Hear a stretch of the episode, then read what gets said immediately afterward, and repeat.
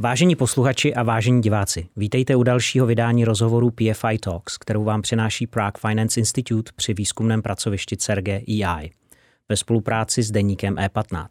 Původně jsme se měli společně setkat na výroční konferenci v prostorách České národní banky.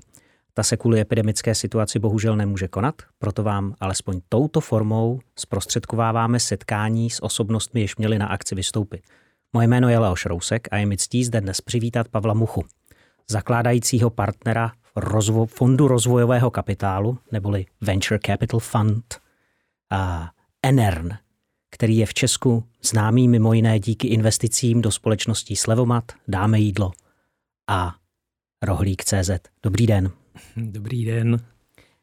Jsem rád, že jste přijal naše pozvání a jako všem ostatním účastníkům vám i vám položím tři stejné otázky, jako už těm, kteří se naší série zúčastnili. A všechny se týkají covidu. A první je o tom, co byl ten rozhodující okamžik, kdy jste si uvědomil na jaře nebo na přelomu jara a zimy, že nás čeká něco, co tu do té doby ještě nebylo? Já jsem shodou okolností v té době absolvoval studijní program při Harvard Kennedy School. A vlastně vůbec jedna z prvních diskuzí toho programu mm-hmm. byla právě debata o covidu. A jeho součástí byla i ukázka různých um, modelů, jak se epidemie šířejí, co to znamená. Vlastně v té době Nemyslím si, že dneska víme ještě odpověď. Myslím, že stále toho strašně moc nevíme, ale tehdy jsme vlastně nevěděli uh, nic. Mm-hmm. Tak, tak bylo vlastně fascinující dostat do ruky takový benchmark. Um, um, byl to moment, kdy si uvědomíte, jak brutálně rychle se taková věc může šířit, že vlastně je to absolutně nepředvídatelný, pro koho to může být konečná a pro koho to bude jenom chřipka a že vlastně, vlastně nemáte v ruce žádný nástroj, nic, čím byste to zarazil. A tak Můžu jsem... se ještě zeptat, že vás přerušuju, v které přesně době to bylo? Byl to únor, to byl leden? přelom února, března. Uh-huh. Takže jste se ještě potom mohl stihnout eh, bez problémů vrátit eh, do Prahy. Ne, ne, ne, to už běželo všechno online. Takže jste zůstal v Americe? Já jsem byl v Česku. Vy jste byl, to všechno běželo online už tehdy, jasně. Ano, ano. A No a já jsem si to tak jako vlastně připodobnil, že to je vlastně jak když bychom všichni stáli na kolejích a proti vám se řítil ten vlak, jak to známe z grotesek. Akorát nevíte, jestli na té vyhýbce odbočí. No a ta kombinace je prostě děsivá, no a pak když po pár měsíců Takže vás ta studia spíš vystrašila v té chvíli hodně? No vlastně, vlastně jo, vlastně si jako řeknete, že to nemůže uh, být úplně jedno. My jsme vlastně týden ještě předtím, než vláda rozhodla, že zavře uh, uh, celou uh, zemi, tak my jsme se rozhodli, že kancelář zavřeme a budeme pracovat uh, uh, všichni z domova. Ale loučili jsme se s tím, že se uvidíme za 14 dní, aby jsme se pak zase poprvé viděli někdy v červnu nebo v červenci. no, takže um, já si myslím, že tohle, tohle je něco, co bylo absolutně netušený. Prostě um, černá labuť, která přiletěla. V té době jsem o tom přemýšlel jako o černý labuti. No.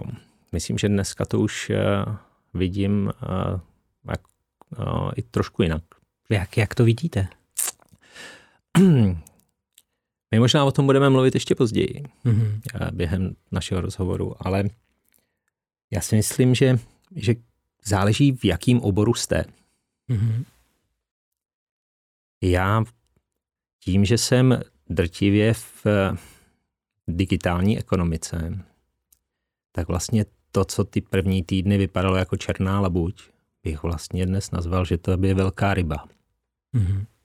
Protože zatímco některé části ekonomiky to uh, reálně skříplo, zejména cestování, zábavu, prostě všechno, co, co vlastně je spojený s tím, že se lidi potkávají a nebo se někam přesouvají.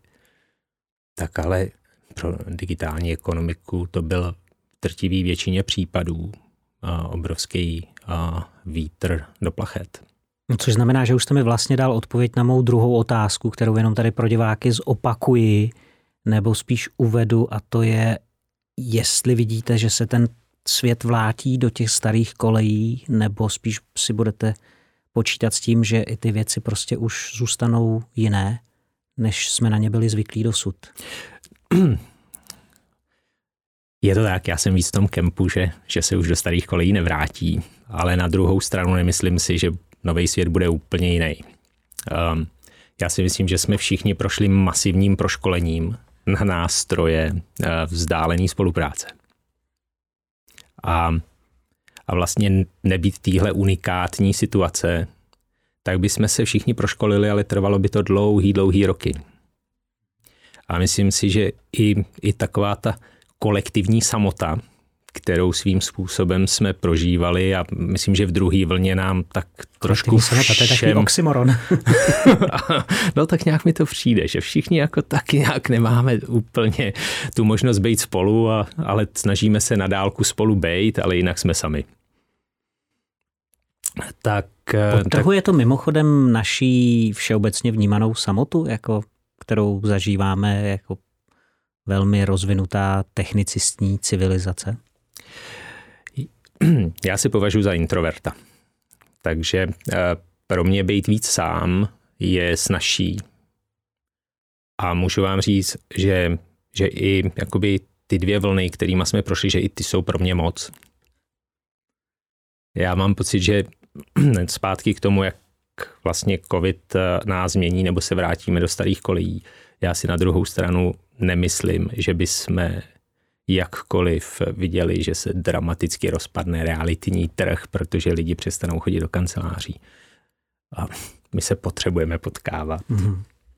Já si myslím, že my vlastně k životu vy se, potřebujeme. Vy se třeba jako NR nestěhujete ze své kanceláře? Ne, ne, ale my jsme ji vždycky měli malinkou, takže, takže tam v zásadě to o moc už zmenšit nejde. Um, asi ne, vždycky jde něco ještě zmenšit nebo zvětšit, eh, ale, ale to je jedno. Um, nicméně, um, já si myslím, že, že kromě potkává, potkávání, já si myslím, že teď my vlastně potřebujeme fyzický dotyk. Mm-hmm. Mně prostě přijde, že, že vám jako v životě něco chybí, když jako nemůžete používat všechny smysly. Mm-hmm. A proto si zase nemyslím, že by se svět převrátil vzhůru nohama. Mm-hmm.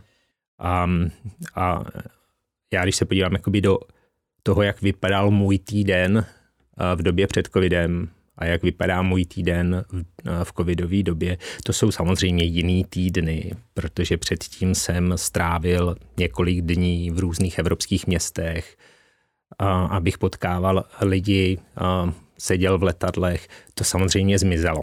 Mm-hmm. Ale po covidové době si myslím, že se kus vrátí, ale s covidem přišlo uvědomění, že některé věci jde udělat vlastně v menší frekvenci. Mm-hmm. A tudíž je i docela dobře představitelný, že, že těch letů cestovat. bude méně. Mm.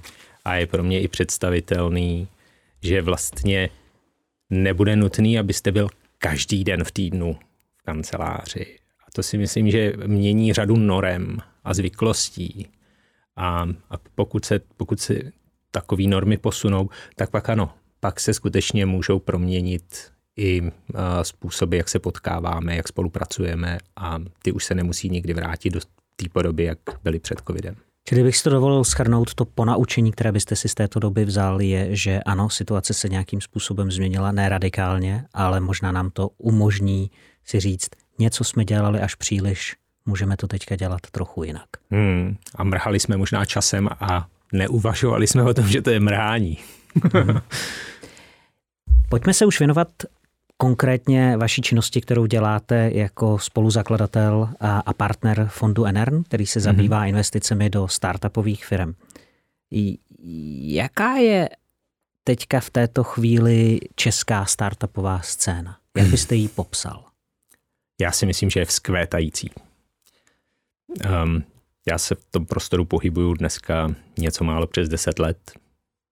To není ani dlouho, ale vlastně už ani ne krátko. Pro některý můžeme být už trochu starý psy, ale ve světovém měřítku je to vlastně krátká doba. Ale za těch deset let startupová scéna se obrovsky proměnila.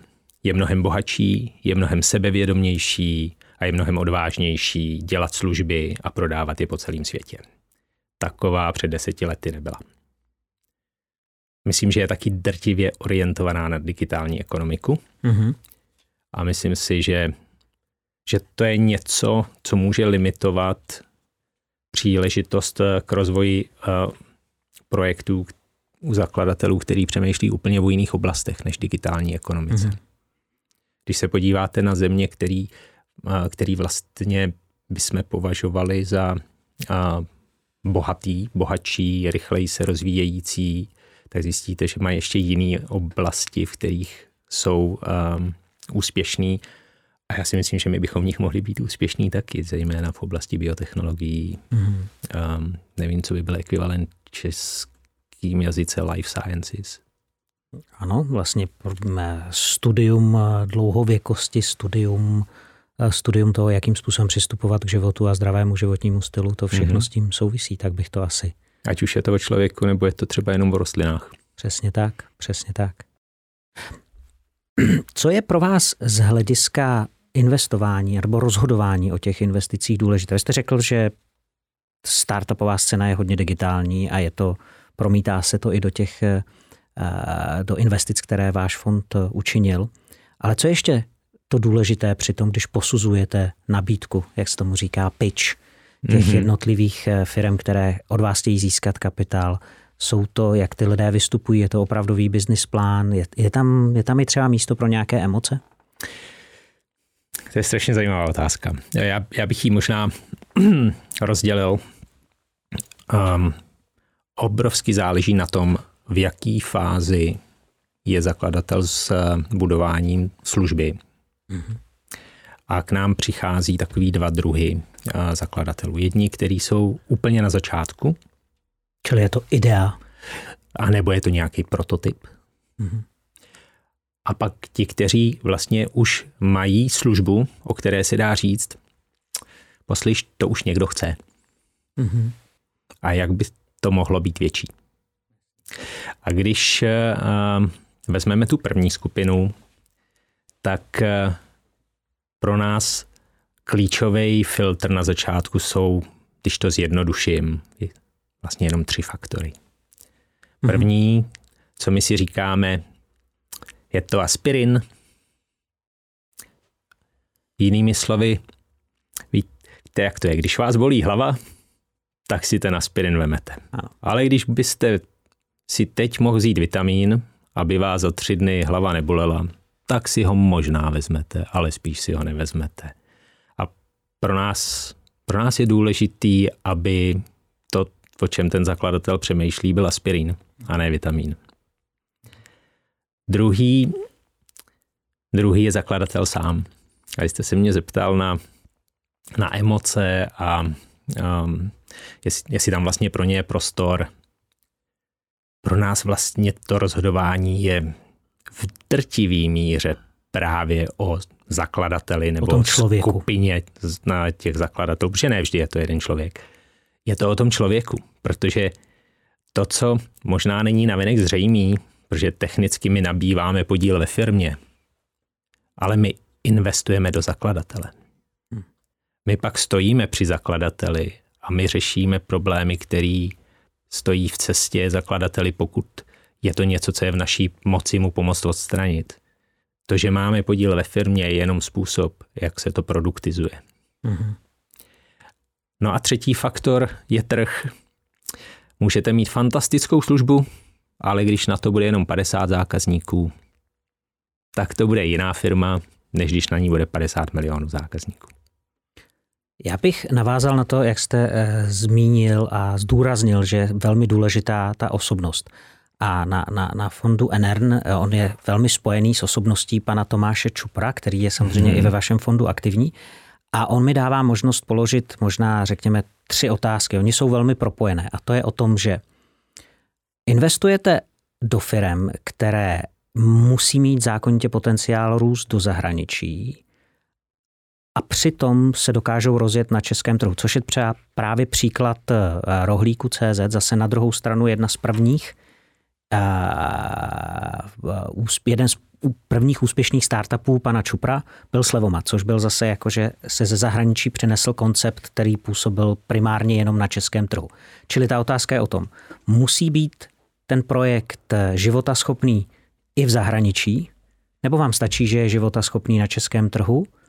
A druhá otázka s tím spojená, protože třeba Rohlík CZ začal na českém trhu, ale teď je vidět postupně expanduje a jak jste sám říkal, covid byla taky ryba, ne černá labuť, tak eh, to do určité míry, když mi možná Red Bull odpustí to rohlíku CZ dalo, dalo aspoň křídla v rozmezí v blízkém, blízkém, blízkém zahraničí.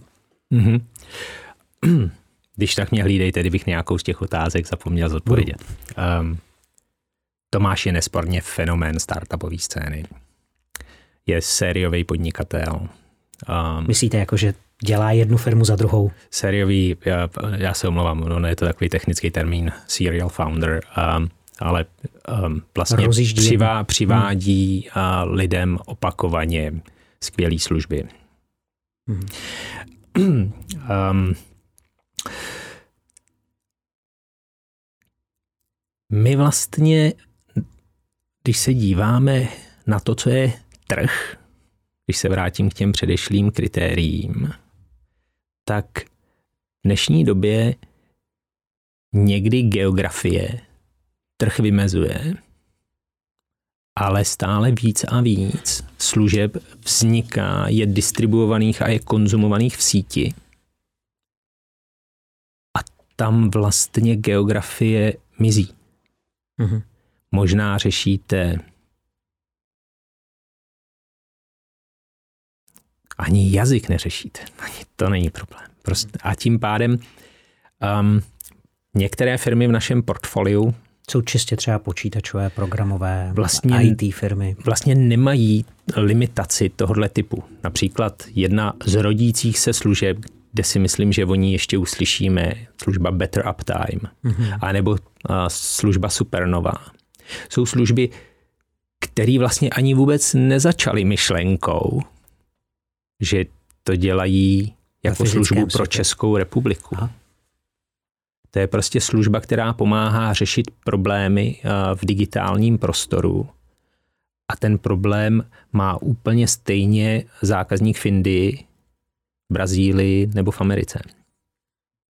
A distribuce, jak se k němu ta služba dostane, je vlastně taky digitální, protože ti lidé je nachází, protože na té digitální síti hledají, jak by svůj problém vyřešili. Mm-hmm. A tím pádem téhle skupině firm ten, ten aspekt země um, se ztrácí. A pak jsou jiný typy firm, který mají přesah do fyzična.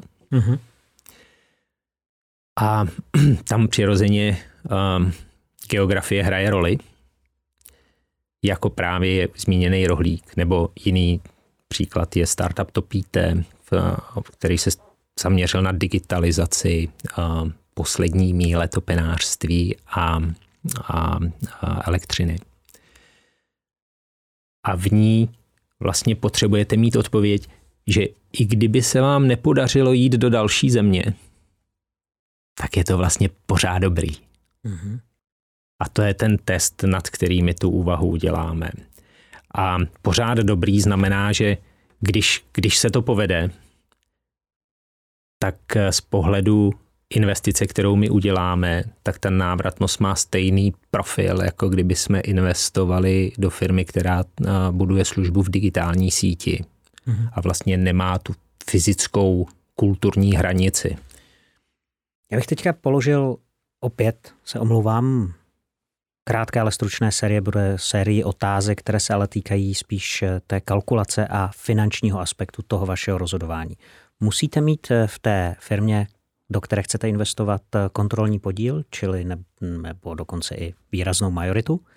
Limitujete se, máte, nějaký, máte má nějakou maximální sumu, kterou investujete mm-hmm. a jakým způsobem provádíte exit a máte nějakou časovou osu. Mm-hmm. Majoritní podíl nás děsí. My jsme typicky minoritní investoři, protože my chceme, aby nejvíc měl zakladatel.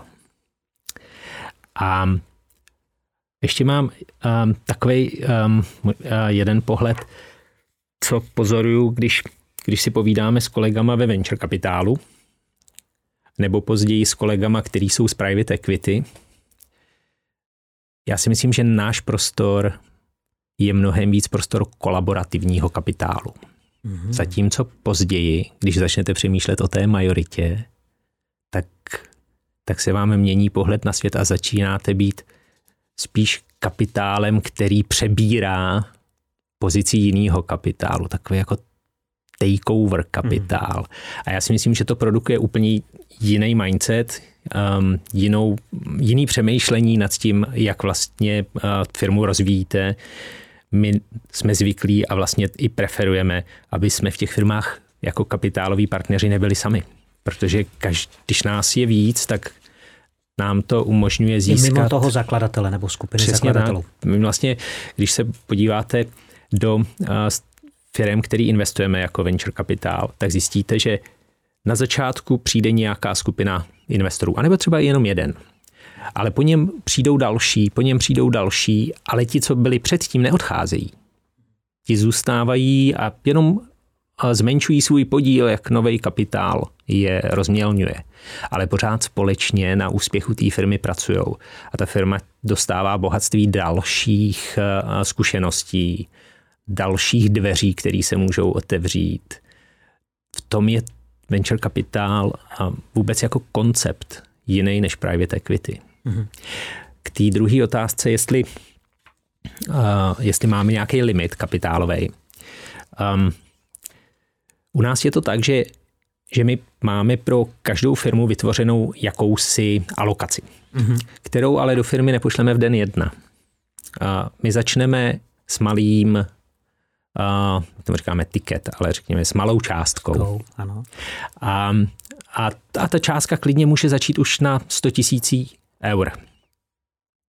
Ale když se firmě daří a v dalších kolech investičních, tedy kdy přichází další investoři, aby dál do firmy doplňovali kapitál na její růst a rozvoj, tak v těch chvílích my přidáváme kapitál s nima a tak jsme schopní do jedné firmy třeba umístit i 10 milionů euro.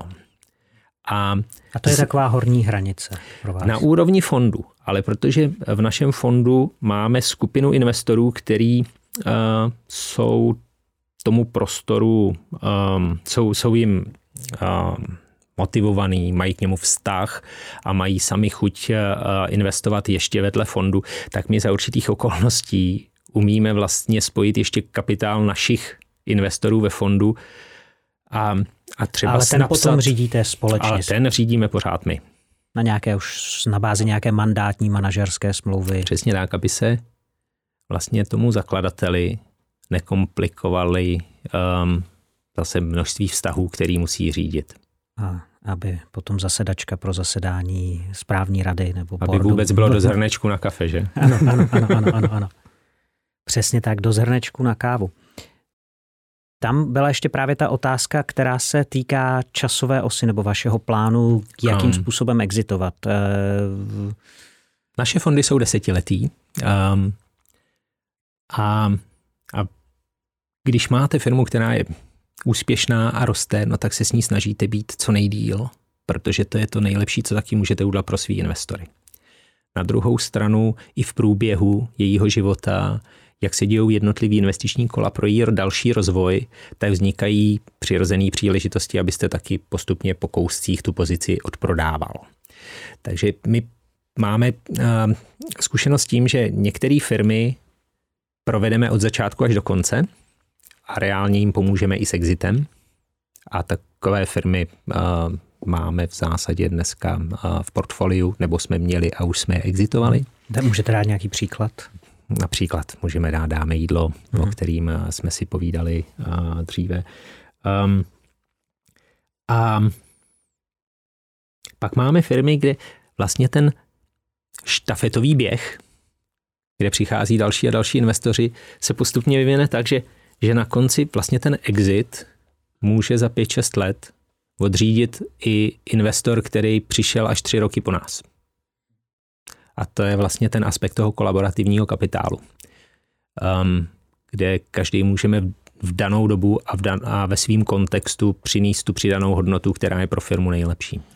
Čili i na tom českém trhu, který, myslím kapitálovém trhu, který obecně trpí eh, méně rozvinutou burzou, vám vlastně nechybí ta možnost eh, udělat, eh, nebo respektive uvést firmu, do které jste investovali na burzu a dát ji na veřejný kapitálový trh a tímto způsobem si vlastně zhodnotit svou investici. A nebo prodat strategickému vlastníkovi. Um, uh, kdybyste se podíval do našeho portfolia, tak zjistíte, že, že vlastně um, většina našich firm získá po nás kapitál od uh, dalších investorů ze zahraničí, který jsou podobně postavený uh, týmy s fondama, jako jsme my. A je to i část naší role, kde my zakladatelům pak přivádíme další zkušený investory ze zahraničí, kterým zase pomáhají v hmm. těch částech světa, kde oni trefí líp, než trefíme my. A a to je svým způsobem taky naše jedna z přidaných hodnot, aby eh, firmy mohly akcelerovat za rámec České republiky. A tudíž ten um, aspekt kapitálové dostatečnosti my nemáme pocit, uh, že by byl problém. Když vám dám příklad, um, vlastně uh, jednu, jedna z našich uh, investic, kterou jsme udělali v Polsku, zatím, zatím neoznámila ještě veřejně, um, ale zrovna teď dokončila významný investiční kolo, který je v řádu několika miliard korun mm-hmm. a, a vlastně vůbec nepřišlo tady z regionu. Mm-hmm. Takže váš podíl se tam zhodnotil, ale současně výrazně snížil, předpokládám. Náš podíl se zhodnotil a nemusel se nutně výrazně snížit, protože pokud vám stoupne výrazně hodnota té firmy, tak váš podíl vám klesne o něco míň, i když tam nateče uh, hodně kapitálu, než kdyby samozřejmě ta hodnota byla pořád stejná.